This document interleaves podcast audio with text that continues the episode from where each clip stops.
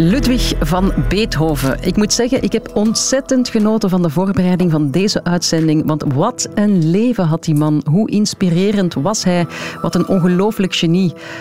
Geniet van deze podcast. Radio 1. Weet ik veel met Carolien de Bekker.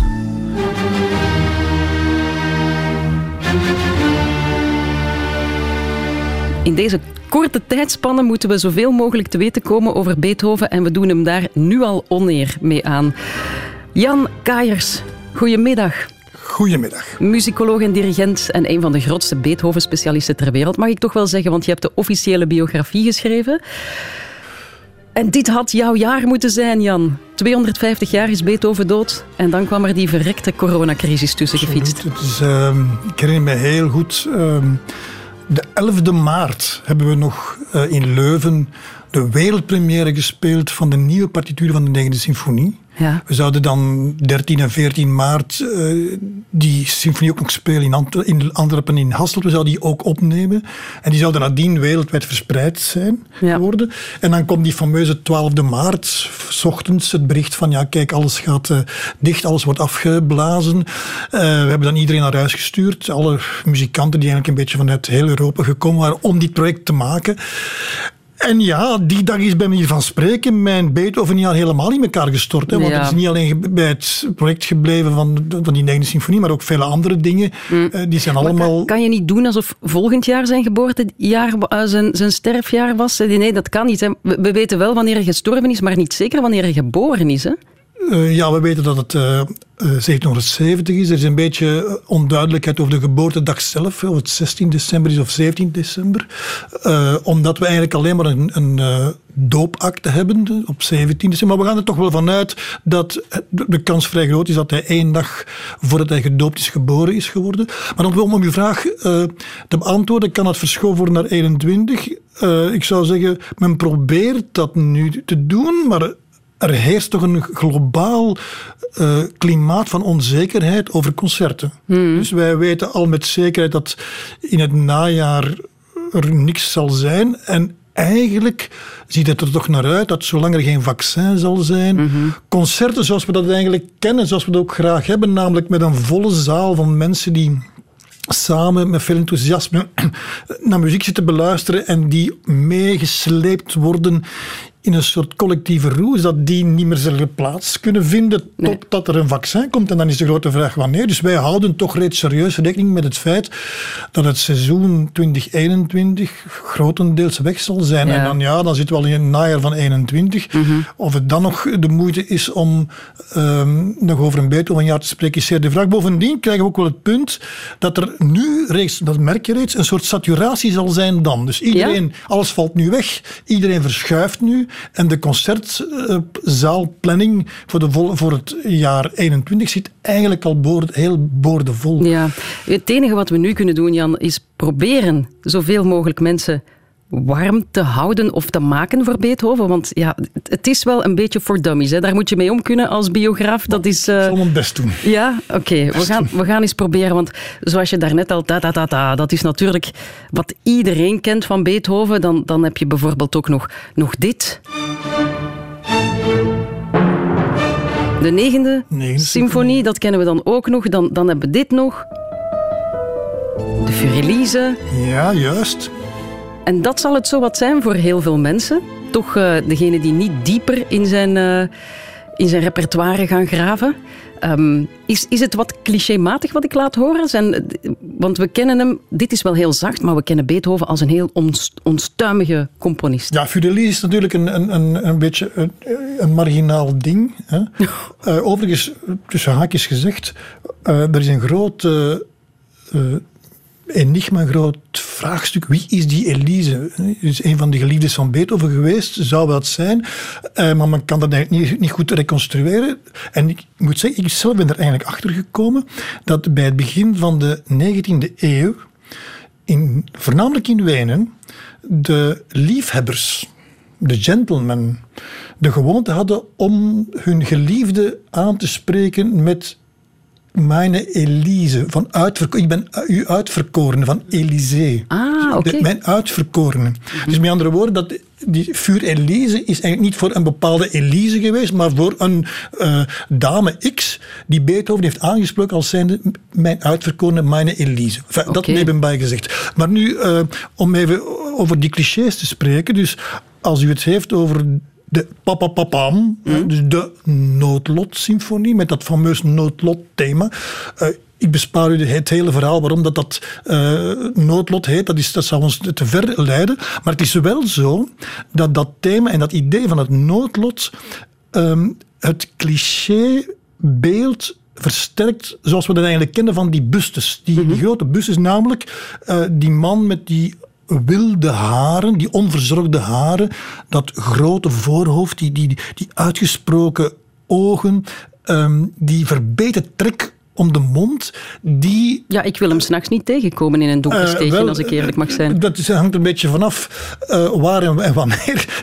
Want dat, dat, ik ga daartoe komen. Maar dus, dus dat is een beeld dat men in de 19e eeuw heeft gecreëerd en dat effectief overeenkomt met zeg maar, het beeld van een bepaalde Beethoven in een bepaalde, bepaalde periode uit zijn leven, namelijk de oude Beethoven, de man die uh, ziekelijk was, die, die, die ook doof was op het mhm. einde van zijn leven, uh, die leed uh, om zijn kunst te kunnen maken. Kunst die op dat ogenblik al niet meer begrijpen was. Kunst die op dat ogenblik al kunst van de toekomst was. Dus eh, de man die een soort kloof had met het publiek. Een man die eigenlijk uh, in de rand van de samenleving terecht was gekomen. Ja, ja de getormenteerde visionaire kunstenaar. Hm? Absoluut. En, en dus dat beeld heeft men dan eigenlijk in de 19e eeuw geëxtrapoleerd naar heel zijn leven. Ja, maar hoe was hij dan? Wel, Laat ons eens even beginnen bij zijn jeugd, want dat zijn zijn even, belangrijkste... Toch even, toch even zeggen ja? dat, dat, dat eh, de, de, vooral de jonge Beethoven ook een heel minzame man was. Een man met heel veel humor, een man die ook heel licht kon zijn. En een man, dat kan ik u echt wel zeggen, dat moest je die s'nachts tegengekomen zijn, dat het wel aangenaam zou geweest zijn. Hè? Absoluut. Dus met andere woorden, uh, men, de, de, de, de, vooral de jonge Beethoven was een zeer aangename man die ook heel mooi en lieve muziek heeft geschreven. Oké, dat is het eerste cliché dat, dat is het eerste cliché dat we gaan doorbreken, absoluut. Ja. ja. Um, we moeten wel even terug naar zijn jeugdjaren, Jan, want die zijn volgens jou ook het belangrijkst. Um, hij is geboren in 1770 in Bonn, Duitsland. Hij komt uit niet zo'n gezellig uh, gezin. Hè? Het is een, be een beetje een, een, nare jeugd die hij heeft gehad. Ja, waarbij ook dat weer we moeten proberen goed te lezen, omdat het de berichten die we hebben over Beethovens jeugd zijn verteld door mensen die dat effectief hebben meegemaakt, maar vele jaren na, zijn Beethoven, na de dood van Beethoven hebben opgeschreven. En die daar reeds uh, beïnvloed zijn geweest door dat cliché. Uh, dus met andere woorden, uh, misschien zit daar een zekere overdrijving in, maar het kan niet ontkend worden dat Beethovens jeugd niet gemakkelijk is geweest. Uh, je had daar een paar elementen. De grootvader, die de belangrijkste muzikus van Bonn was. Hij was kapelmeester aan het hof. Dat wil zeggen, was een grote autoriteit. Iemand die uh, een gewicht had, een gewicht dat boven de familie zweefde. Uh, dan had je de vader, die tegen dat beeld niet opkon. De, de, de, vader die ook muzikus was, mm. maar van een lager niveau, die dus eigenlijk moeite had om te ontsnappen aan uh, de druk van de eigen vader. En die daardoor, laten we zeggen, een eerder gemiddeld leven heeft geleid, dat bovendien op het, naar het einde toe uh, ontspoord is door een alcoholprobleem. Mm -hmm. uh, dat dan heeft gewogen op de familie Beethoven ja. en op de jonge Ludwig. Maar de jonge Ludwig is serieus gedrild hè, door zijn vader? Ja, maar dat is juist. Maar je moet rekenen dat um, elke vorm van training van kinderen, of dat nu gaat over het maken van muziek, of het uh, doen van grote sportprestaties, of zelfs uh, het, uh, de, op de school het leren van wiskunde, -hmm. gaat gepaard met een bepaalde discipline en een bepaald soort drill, die in wezen onsympathiek is. Ja. En dat is ook de, een van de redenen waarom het alsmaar moeilijker wordt de dag van vandaag om nog grote virtuosen te maken, omdat, uh, laat ons zeggen, die, die bijna militaire discipline die je nodig hebt als kind om het als muzikus onder meer als muzikus, maar het geldt ook voor andere bereiken in het leven, heel ver te brengen, is niet meer van deze tijd. Ja, want hij, hij werd wel op zijn vierde begon hij al met pianoles en zijn vader wou wel een nieuwe Mozart van hem maken. Ja, dat is zo. Dus je had, je had, en dan zijn eerste concert op zijn zevende, dat is inderdaad wel Dat is inderdaad militant. Dus er was, er was in die tijd ook een zekere belangstelling voor, voor wonderkinderen naar aanleiding van het model Mozart. En het merkwaardig is, het is dan niet zozeer de vader geweest die dat beeld gekoesterd heeft van die jonge Mozart, maar de moeder. Dat is iets wat dat is ook recent onderzoek heeft dat, heeft dat uh, bewezen dat uh, de moeder is geweest die afkomstig was uit Koblenz, die op een bepaald ogenblik Mozart heeft zien optreden mm -hmm. en die, bij manier van spreken, de missie heeft ontwikkeld dat haar kind een tweede Mozart zou worden, wat overigens in de hand is gewerkt geweest door het feit dat Beethoven in het begin uiterst begaafd bleek te zijn. Okay. Hij moet wel echt uitzonderlijk begaafd geweest zijn, die, uh, een begaafdheid die hij heeft ontwikkeld. En dan komt er iets heel merkwaardigs. Door het feit dat de vader niet zo'n grote agenda had als vader Mozart. Vader Mozart heeft werkelijk het wonderkind Mozart gefabriceerd. Mm-hmm. Door, hem de, door hem een geweldige opleiding te geven, door met hem heel de wereld, of heel Europa rond te reizen. Vader Beethoven heeft dat niet gedaan, omdat het ook niet kon. En de jonge Beethoven heeft les gekregen van, van een aantal mensen uit de toevallige omgeving, die geen programma hadden, die geen lessenrooster hadden, die geen schema hadden, zo een, een, met een heel ruw schema. Het gevolg daarvan is dat Beethoven nooit is ingebed geweest in een systeem. Mm -hmm. En dat is misschien zijn voordeel dat geweest, zijn omdat voordeel hij vrij uh, ja, Absoluut. Dat creatieve... hij later een soort, altijd een soort vrijheid heeft gehad, hè, omdat hij nooit um, in een systeem is moeten mee, pedagogisch ja. systeem heeft gezeten.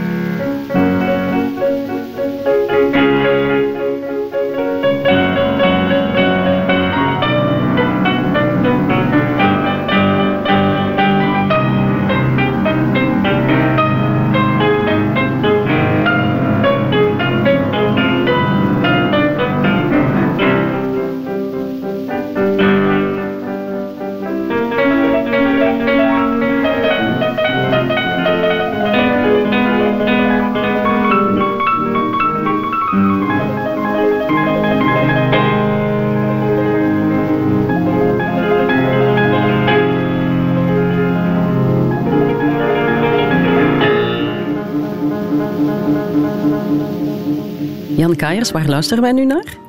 Uh, dit is het laatste deel uit de sonate. En nu ga ik een beetje technisch worden. Opus 31, nummer 3. Dus dit is de 18e sonate. Een sonate die Beethoven heeft geschreven uh, onmiddellijk na zijn grote Hallingstadcrisis. Daar komen we misschien straks nog even op terug. Dus waarin je toch al wel de, zeg maar, de romantische Beethoven hebt gehoord. Die, die, die zeer uh, gedreven muziek vanuit de onderbuik heeft geschreven. Ja. Waarbij het overigens um, dient gezegd te worden dat deze uitvoering is gespeeld. Dat is een heel oude uit uit voering uh, uit de jaren 30 door Arthur Schnabel. En Arthur Schnabel is bij manier van spreken een achterkleinkind van Beethoven, want zijn leraar was, was dan weer de, de, de, leraar, de leerling van een andere. En dat, je kunt een hele lijn terugtrekken tot aan Beethoven. En die man heeft eigenlijk gespeeld zoals we dat eigenlijk zouden kunnen denken dat Beethoven gespeeld heeft, Arthur Schnabel. En heel een beetje slordig, maar zeer onstuimig, zeer impulsief. Is dat hoe Beethoven... Want Beethoven was oorspronkelijk een, een goede, een echt goede concertpianist, hè? Absoluut. Dat was ook, dat was ook zijn eerste uh, levensmissie. Het is pas uh, door zijn gehoorprobleem dat hij verplicht is geworden, maar daar komen we misschien straks even nog op terug, dat hij verplicht is geworden om zijn uh, focus te verleggen van het spelen van concerten naar het componeren. Hè. Ja. Dus, dus, maar hij was eigenlijk een briljante pianist. En het is overigens ook zo dat als je de geschiedenis van de muziek van Beethoven bekijkt, door het feit dat hij in eerste instantie pianist was en een instrument heel goed kende, Beethoven moest nooit nadenken van wat hij op een piano zou doen, omdat dat zo met zichzelf uh, vervlochten was. Mm Dat telkens als hij een crisis had in zijn leven en hij had een soort artistiek probleem en hij moest een nieuwe, nieuwe weg zoeken, dan, dan vond hij die altijd eerst in zijn pianomuziek. En dus dat is zo'n stuk, die opus 31, die sonaten, die zijn drie sonaten opus 31, waar hij na een grote crisis in 1802 een nieuwe weg heeft gekozen, opnieuw in de pianomuziek als eerste instantie en pas later in de kamermuziek en nog later in de orkestmuziek. Dat is een soort logica in de carrière van Beethoven en dat gaat allemaal terug door het feit dat Beethoven in hart en nieren een pianist was die als hij componeerde niet moest nadenken, kan ik dat spelen? Of kan je dat niet spelen? Of omgekeerd, als zij aan het spelen was, aan het componeren was. Bij Beethoven liep dat dan geweldig door elkaar. Ja, en dat heeft misschien ook weer te maken met het feit dat hij niet uh, militair gedrild is geweest in een bepaald systeem. Want dat was zijn talent, dat hij out of the box kon denken. Absoluut. Ja. Absoluut ja. Oké. Nu, um, hij heeft 21 jaar lang met Mozart de aarde gedeeld en dan nog wel rond dezelfde streek. Mozart was 14 jaar eerder geboren. Ze hebben allebei lang uh, in Wenen gewoond. En dan is de vraag, hebben ze elkaar ooit ontmoet? Uh, dat is een, een, moeten we een aantal dingen van elkaar uh, toch scheiden. In die zin dat uh, toen Beethoven zich definitief in Wenen gevestigd heeft, 1792, was Mozart al één jaar dood. Dus op dat ogenblik was Mozart een mythe en was de belangrijkste componist Haydn, die dan de leraar is geweest van Beethoven. Het is wel zo dat Beethoven vier jaar voordien, of vijf jaar voordien, 1787, is hij een keertje naar Wenen gereisd met de bedoeling om les te volgen bij de grote Mozart dan. toen was hij nog een tiener, hè, Beethoven? En toen was hij uh, ja, 17 jaar. Hè. Um, maar u mag niet vergeten, ik ga proberen om het niet te ver... Te ver te, dat is heel moeilijk als je zo'n specialist bent natuurlijk. Nee, dus, dus, je mag het niet vergeten, dus, uh, het Hof van Bonn de keurvorst van Bonn was eigenlijk een Habsburger. Was de jongste broer van Jozef II. Was een zoon van Maria Theresia. Het is het bekende verhaal dat uh, Mozart op de schoot heeft gezeten van Maria Theresia. en daar geravot heeft met het, een van, de van het jongste zoontje, met het jongste zoontje van Maria Theresia, zijnde Maximilian Frans, die dan keurvorst geworden is in Bonn. Dus toen Maximilian Frans de leiding heeft genomen van het hof in Bonn? Was het zijn grote droom om Mozart daar te krijgen als kapelmeester. Mhm. Dat is niet gelukt, maar daar, Mozart werd heel veel gespeeld in Bonn. Dus met andere woorden, uh, Beethoven heeft heel zijn leven vanaf kind heel vroeg heel veel muziek van Mozart gehoord, keek daar geweldig naar op. En op een bepaald moment was het de wens, zowel van Beethoven zelf, maar ook van de keurvorst, dat Beethoven zich zou gaan vervolmaken bij Mozart. En nu komt het, uh, uh, Beethoven komt in Wenen aan, voorjaar van 1787. Uh, Mozart is enorm bezig, heeft niet veel tijd, was ook, zat ook een tijdje in Praag, want Praag en Wenen waren aan elkaar mhm. verbonden. Uh, uh, maar, en nu komen we bij de, bij de vraagtekens. Beethoven zou, zou voorgespeeld hebben bij Mozart voorgespeeld? ja, zou dus, op een bepaald moment zou, zou, zou, zou, hij geïnviteerd geweest zijn door Mozart en zou, zou Mozart gevraagd hebben van kijk, speel eens. Mm Zet je aan de piano, maar vooral, moet je niet vergeten, Mozart zou niet gevraagd hebben van speel eens een bepaald stuk, nee, improviseer. En, en Mozart zou hem dan een thema gegeven hebben van een, een moeilijk thema en maak er een fuga van. Enfin, gaat ons te verleiden, maar dus iets heel moeilijks. En Beethoven heeft dat con brio gedaan. Mozart was daardoor was daar wel onder de indruk van, maar tegelijkertijd vond ik dat een beetje beangstigend, omdat Mozart reeds voelde dat Beethovens muziek in een richting ging niet te zijne was. Die veel onstuimiger was, die veel moderner was enzovoort. Nogmaals, ik, zeg, ik voeg daar telkens een soort conditionalis aan toe, want we weten dat niet met 100% zekerheid. In alle geval, uh, Mozart, Beethoven is een drietal maanden in Wenen gebleven. En zou dan misschien wel les hebben gekregen van Mozart, maar we weten het niet met zekerheid. In alle geval, het is wel zo dat, dat hoe dan ook, uh, Mozart een grote muzikale invloed heeft gehad op de jonge Beethoven. Dat is, ja. En of ze elkaar nu echt hebben ontmoet of niet, eigenlijk doet het er al bijna niet meer toe. Maar het is wel mooi om te weten natuurlijk. Absoluut, ja. ja maar wat heeft Wenen eigenlijk voor, voor Beethoven betekend? Want hij is, hij is daar ook echt doorgebroken. Hij is, hij is geweldig beginnen zich ontwikkelen daar. Ja, dus je mag niet vergeten dat toch Wenen de stad van de muziek was. Hè. dus het was echt wel zo dat muziek heel centraal stond in het culturele leven. Al die Habsburgse keizers, dat waren allemaal niet alleen muziekliefhebbers, dat waren ook um, kenners. En de aristocraten in Wenen die in, het zog van die keizer zaten, dat waren ook allemaal muziekkenners. Die in hun vrije tijd, ja, er was ook overigens niet veel uh, op te doen, er was geen televisie enzovoort. Dus in hun vrije tijd heel veel met muziek bezig waren en heel veel concerten organiseerden. En dan kwam Beethoven daartoe en die aristocraten hebben onmiddellijk gezien um, dat Beethoven een soort bijzonder talent had. Dus als hij zich aan de piano zette en begon te improviseren, dan, dan vielen de mensen plat uh, naar achter van, van ideeën die ze nooit hadden gehoord. Mm -hmm. En de aristocraten hebben hem dan een beetje gerecupereerd uh, om zichzelf ook in de toestand van toen, we mogen niet vergeten, van de samenleving was aan het wankelen. Aristocraten, die had de Franse revolutie gehad. Dus de, de aristocraten moesten meer en meer terrein prijsgeven ten aanzien van de burgers. En de aristocraten hebben dan eigenlijk Beethoven een beetje gebruikt als hun poulain om hun eigen cultuur, hun eigen identiteit uh, naar voren te zetten. Ja, te verspreiden. Ja. Beetje zoals vandaag sommige nouveau riches uh, voetbalclubs kopen uh, of wielerploegen sponsoren om zichzelf belangrijk te maken. Hè. Ja. en, en zij hebben dan aan Beethoven impulsen gegeven om, ook ze hebben hem daarvoor ook betaald, om uh, die eigenzinnige weg te bewandelen die hij in zich had. Ja, en eigenlijk is Beethoven op het juiste moment geboren, want dat, dat eigenzinnige de mensen waren er wel klaar voor, hè? rond 1800. Dus je, je, je, krijgt effectief uh, de Franse Revolutie 1789, het einde van het, zeg maar, de oude tijd, het ancien regime. Een nieuw soort samenleving die, die aan het geboren uh, was. Um, een samenleving waarin um, de mensen veel meer het heft van hun leven zelf in handen namen.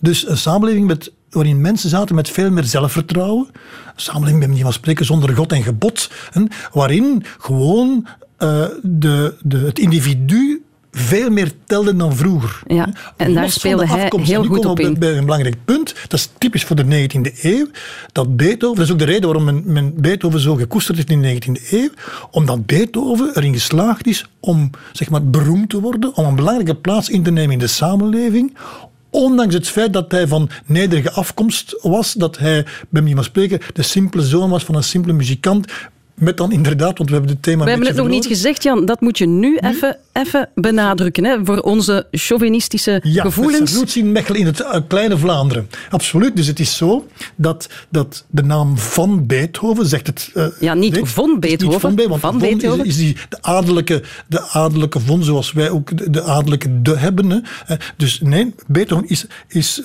van Beethoven, dus een Vlaamse naam.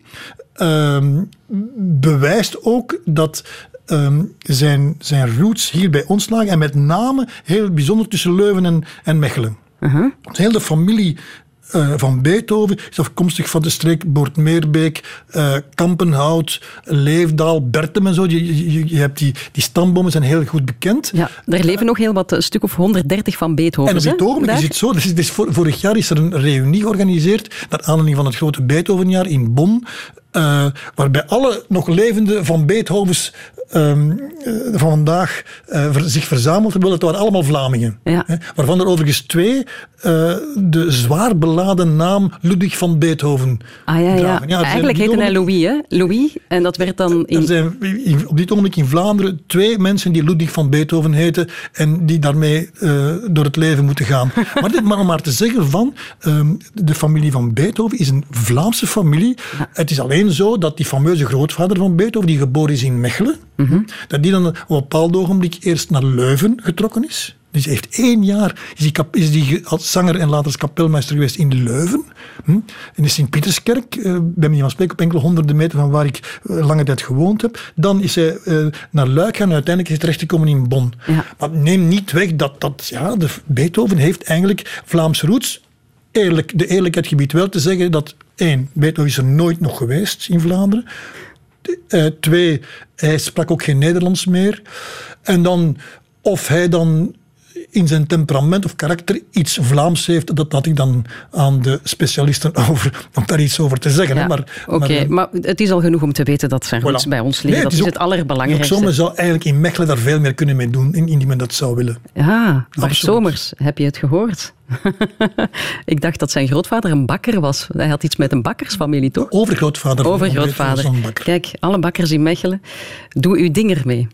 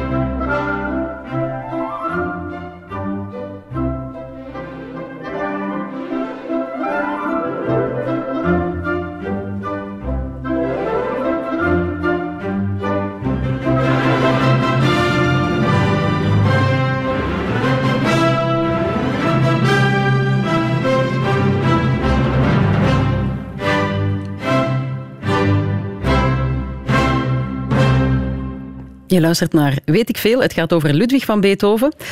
En dit, ja, Jan Kaiers, vertel eens. Want dit ken jij uit je broekzak, uiteraard. Hè? Ja, dat is het laatste deel, de eerste symfonie. Uh, met een opname, Onder leiding van? nog een opname met de Beethoven Academie, ondertussen een aantal jaren oud, een aantal jaren geleden. Uh, een opname die ik zelf heb gedirigeerd, ja, inderdaad. Prachtig. Dat moet goed voelen als je zo... Want ik, je bent een echte Beethoven... Um, ja, je hebt een kleine Beethoven-obsessie, ik mag het zo zeggen. Hè? Je hebt uh, hoeveel boeken van Beethoven in je kast staan? Uh, ik heb enkele meters boekenkast over alleen Beethoven. Ah. Um, maar u weet... En speel je hem ook het allerliefst? Ik bedoel, breng je ook liefstukken van Beethoven? Weet je, ik heb het, het voordeel is dat je, als je heel veel met iets bezig bent en je investeert daar veel in, dan op een bepaalde manier word je daar toch beter in. Ja. En door het feit dat je daar beter in wordt, geeft het een soort zelfvertrouwen. Ja. Soort, ook een soort generositeit ontstaat er dan. Hm, waardoor dat je eigenlijk ook wel veel vreugde hebt om het te doen. Ja, je, je meestert dat. Zo is het. Zo'n gevoel van ik heb dat hier wel onder controle. Het blijft een terrein waar je nooit klaar mee bent.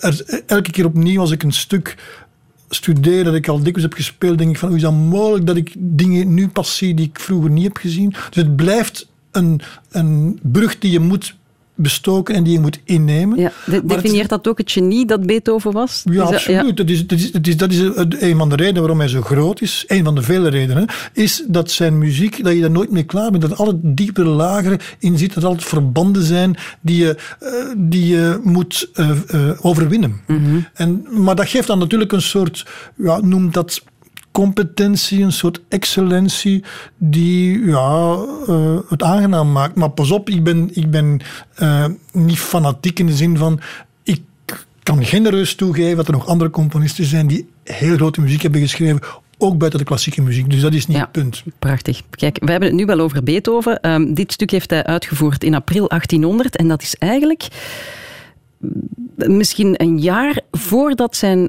grote crisis eraan kwam. Want plots, hij was toen 30 en dan kreeg hij gehoorproblemen. Voor een concertpianist, dat is, dat is verschrikkelijk. het grote drama. Je kan dat eigenlijk uh, best vergelijken met een triatleet die op het punt staat van Hawaii, de grote triathlon van Hawaii, te gaan betwisten en die valt en die verlamd geraakt. Dus het, het Mark Hermans uh, uh, syndroom. Of mensen die iets wat ze heel goed kunnen plotseling wordt afgenomen. Ja, maar hoe uh, kwam dat? Want waarom werd hij langzaam doof? Wel, de, de, de meest gangbare hypothese is dat hij vier jaar voordien een concerttournee heeft gedaan door Duitsland, dat hij daar een ziekte heeft opgelopen, hm, vlektyfus. En een ziekte die, waarvan je normalerwijze na enkele weken eh, probleemloos geneest, maar die in een uiterst zeldzaam geval complicaties kan geven bij het neurologisch systeem.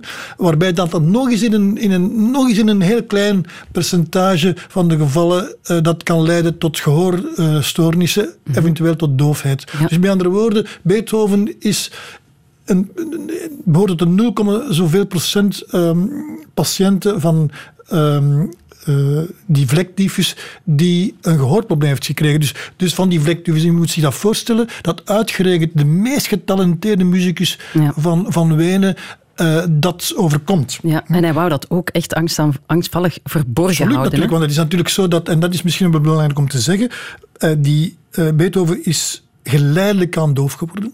Hm? Dus het is een proces dat zich over tientallen jaren heeft, heeft uh, afgespeeld. Uh, in het begin kon hij dat verstoppen, want maar niet vergeten van, van stel je voor dat het zou geweten zijn dat hij slecht hoorde. Mm. Hm? Dat zou zijn reputatie als muzikus zeer geschaad hebben. Men zou ook begonnen zijn met te zeggen van hij doet extravagante dingen, dat heeft te maken met het feit dat hij niet goed meer hoort. Ja, dat is dan later ook natuurlijk effectief gedaan. Maar laten we zeggen, in het begin heeft Beethoven alles geprobeerd. En om het te verstoppen, maar ook om daarvan te genezen. Hm. Uh, dat is dan niet, niet gelukt. gelukt. En op een 1802 krijgt hij dan, bij manier van spreken, uh, dat fatale verdikt dat die gehoorproblemen die hij had, oorsuizingen, uh, hoofdpijn, uh, tien, het soort tinnitus, het, ook het afnemen van het gehoor, dat dat ten eerste onheilbaar was, maar bovendien uh, onomkeerbaar zou leiden tot de volledige doofheid ergens in zijn leven. Ja, maar in welke mate belemmerde dat oorspronkelijk zijn werk? Want, want ja, je moet echt topgehoor hebben om, om, om op topniveau te kunnen blijven functioneren. Wel, het is natuurlijk zo dat, dat uh, Beethoven krijgt die, die, dat verdikt op, zeg maar op zijn 32e. Uh, hij heeft dan nog tien jaar quasi normaal gefunctioneerd. Hij is nog blijven concerten geven. En als hij dan slecht speelde, was dat niet zozeer omdat hij slecht hoorde, maar was dat gewoon omdat hij eh, niet meer geïnteresseerd was, omdat hij een andere weg had ingeslagen voor zichzelf. Hè. En dan is het, uh, laten we zeggen, zijn, zijn publieke optredens als, als uh, pianist zijn dan gestopt. Hij bleef nog wel een beetje lesgeven, deed dat vrij goed. Beethoven kon zich goed uh, concentreren, ehm, maar toch het is, laten we zeggen, vanaf zijn, zijn 45ste ehm, dat hij in de onmogelijkheid was om nog normaal met andere mensen te communiceren. Hij maakte dan gebruik van die zogenaamde conversatieschriftjes. Dat wil zeggen, als je met hem praatte, dan moest je als wat je zei opschrijven. Mhm. Eh, en de laatste uh, zes, zeven jaar van zijn leven was hij dan volledig doof. Wat hem, overigens, niet verhinderd heeft om nog fantastische muziek te schrijven. Ja, want het, het gekke, zoals dat met heel wat crisissen gaat, je wordt gedwongen in een nieuwe richting. En hij is toen zich echt gaan toeleggen op het componeren. Ja. Maar dan vraag ik me af, hoe kan je in godsnaam componeren als je doof bent? Ja, of komt dus- dat dus uit een heel ander hersengebied dan? Ja, dus nogmaals, nogmaals uh, hij heeft een aantal jaren, nog, na die crisis ook nog, nog vrij goed kunnen horen wat hij gecomponeerd heeft. Dus, dus het is pas de laatste vijf, zes, zeven jaar dat dat niet meer ging. Uh, maar je mag niet vergeten dat, dat uh, het gaat inderdaad over het werken van, van de hersenen. Beethoven heeft het geluk gehad dat hij bij van spreken, 30 jaar lang perfect heeft gehoord. Dus dat wil zeggen, hij is in staat geweest om de computer in zijn hoofd mm zodat vol te stoppen met muzikale informatie, dat hij voor te beginnen in staat was om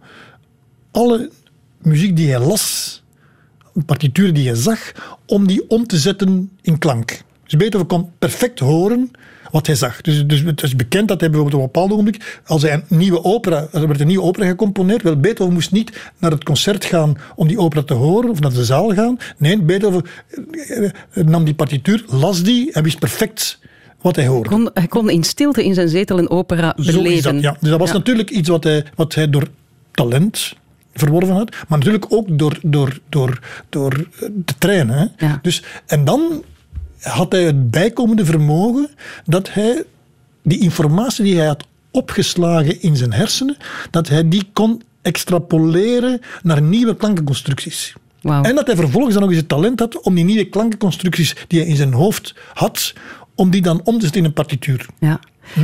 En dat is natuurlijk een, een uitzonderlijk uh, talent. Ja. Uh, het was een heel groot talent, maar hij, is bijna, hij heeft zichzelf bijna van het leven beroofd. Zo diep ongelukkig was ja, hij. We hebben het opnieuw over dat jaar 1802. Dus op het moment dat hij de confrontatie kreeg met dat fatale verdict van vroeg of laat word je doof. Met andere woorden, die grote carrière van pianovirtuoos die je zonder twijfel voor de boeg die valt weg. Hm?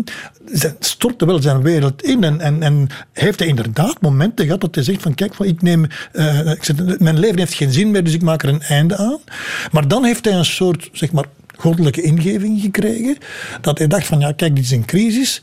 Uh, misschien moet ik mijn talent op een andere manier gaan gebruiken. Laat me nu van het componeren van nieuwe muziek dat tot dan toe, laten we zeggen, een minoractiviteit was. Zijn hoofdactiviteit was piano spelen en concerten geven.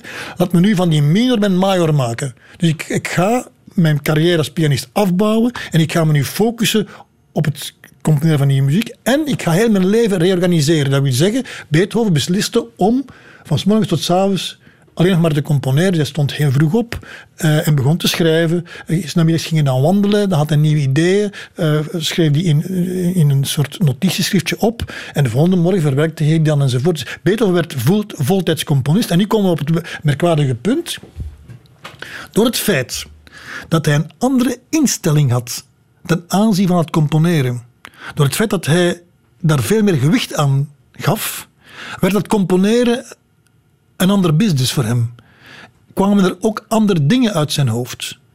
Uh, begon hij nieuwe wegen te ontdekken enzovoort. Dus, dus, dus die, die focus heeft hem dan uh, versneld in een richting van vernieuwing geduwd. eh, die niet geprogrammeerd was. Ja, maar, dat, daarom- dat maakt was. hem een ongelooflijk inspirerend persoon. Hè? Voor mensen die een zware klap te verduren krijgen, is dit wel een ongelooflijke bron van ik daar toch één inspiratie. ding over zeggen? Hè? Ja. Dat is het volgende. Dus de- Beethoven is wereldberoemd. Is de belangrijkste componist uit de geschiedenis. Niet zozeer omdat hij de beste muziek heeft geschreven, maar omdat Beethoven een betekenis heeft die de muziek overstijgt. En nu komen we op het punt, precies die menselijke dimensie, die grootmenselijke dimensie, namelijk dat men in staat is om een crisis om te zetten in iets positiefs, dat is iets wat ons allemaal inspireert en waar iedereen, ook al heb je geen notie van klassieke muziek, ook al heb je daar niks mee, geen affiniteit mee, waardoor je toch door geïnspireerd geraakt en gemotiveerd geraakt om jezelf te verheffen naar een hoger doel.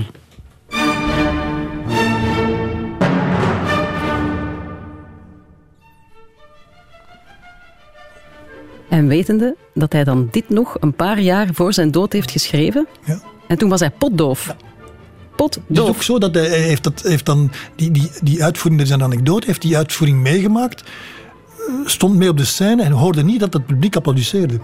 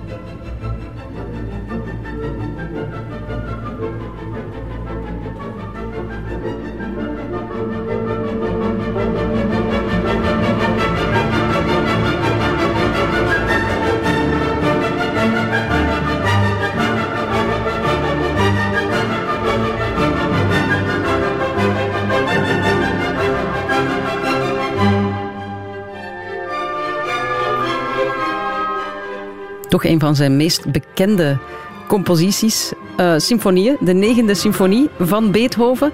Geschreven enkele jaren voor zijn dood. Ehm, zijn dood, daar, daar wou ik het ook nog kort over hebben, Jan Kaiers. Die begrafenis was ook niet min, hè? Een tiende van de Weens- Weense bevolking was daar aanwezig.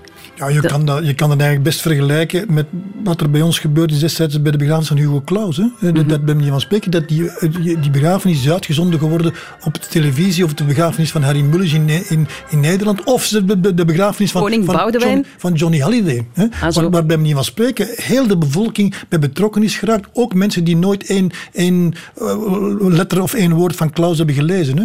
Dus, dus het is, ehm, Beethoven was echt een, een, een beroemdheid. Het is overigens ook zo dat binnen de veertien dagen van zijn, na zijn dood in alle kranten in de wereld, en met de wereld bedoel ik echt wel degelijk eh, Amerika, Boston, eh, ehm, Australië enzovoort, het bericht eh, stond, de grote Beethoven is gestorven. Wereldwijd in die tijd, een tijd eh, waarin het bij manier van spreken eh, twee weken duurde voor men op 40 kilometer buiten Parijs hoorde dat de Franse revolutie was uitgebroken, dat de, dat de Bastille was ingenomen. Zo groot was hij, want hij leefde eigenlijk vrij teruggetrokken ja, op het einde. Hè. 56 jaar is hij geworden. in 1827 is hij overleden. Oh, wat een leven, Jan, echt waar. Ik, mensen die denken, ik wil hier meer over weten. De biografie die je hebt geschreven is de officiële. Hè. Ehm, hoe heet hem weer? Beethoven? Beethoven, ja. Beethoven-biografie van het, door het Beethovenhuis in Bonn wereldwijd verspreid nu. Oké, en je hebt een podcast gemaakt over het leven van Beethoven. Op Clara kan je die terugvinden, clara.be. Maar nu, afschuwelijk, ondervraag mij, beste Jan. Goh, en de luisteraar. Ik doe het ook niet graag, hè, want dat is- ik heb het nooit als prof ik heb dat nooit graag gedaan, ondervragen. Maar bon, hier. Eh, eerste vraag. Ja. Op welke leeftijd gaf Beethoven zijn eerste concert? Zeven jaar. Prachtig. Goed. Mozart gaf Beethoven in Wenen een opdracht mee om te testen. Wat moest Beethoven doen? Een, een stuk improviseren. Juist. Dan, hoeveel Vlamingen zijn er momenteel die echt Ludwig van Beethoven heten? Dat zijn er twee. Absoluut. En Echt, heten maak u en kenbaar. Die, die heten altijd Ludwig van Beethoven. Dan, Beethoven componeerde Für Elise. Maar wat betekent Elise eigenlijk? Was dat niet mijn uitverkorene of zo? Dus die Elise, die, waar wij ons zoveel vragen bij stellen, die bestaat gewoon niet. Dat Want is die heeft wel bestaan, maar ze heet niet Elise. Nee, We- wij mijn, weten niet mijn wie ze liefste was. uitverkorene. Voilà. Voilà. En dan de laatste vraag, is misschien de moeilijkste.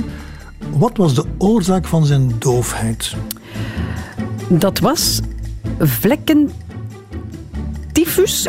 Vlekkentyfus? absoluut. Mijn god. Wat krijgen we... Jo, had mijn muzieklerares dat geweten, dat het in mij zat. Ehm, Jan, ik vond het ontzettend boeiend. Eh, We hadden hier echt nog een uur aan, ja, aan kunnen breien eigenlijk. Hè? Ehm, ja, Ja, is- het is jammer dat 2020 nu toevallig dat Beethovenjaar was en dat dat eh, een beetje in het water valt. Ik hoop toch dat heel veel mensen geïnspireerd zijn geraakt om ten eerste je boek te lezen, om de podcast verder te gaan ontdekken en die prachtige componist en, eh, en pianist wat beter te leren kennen. En Dank dan om later, als het terug kan, naar de concerten van de Concert Olympique te komen. Dat is heel Dat is belangrijk. toch het belangrijkste uiteindelijk. Ja. Dankjewel Jan. Radio 1. Weet ik veel?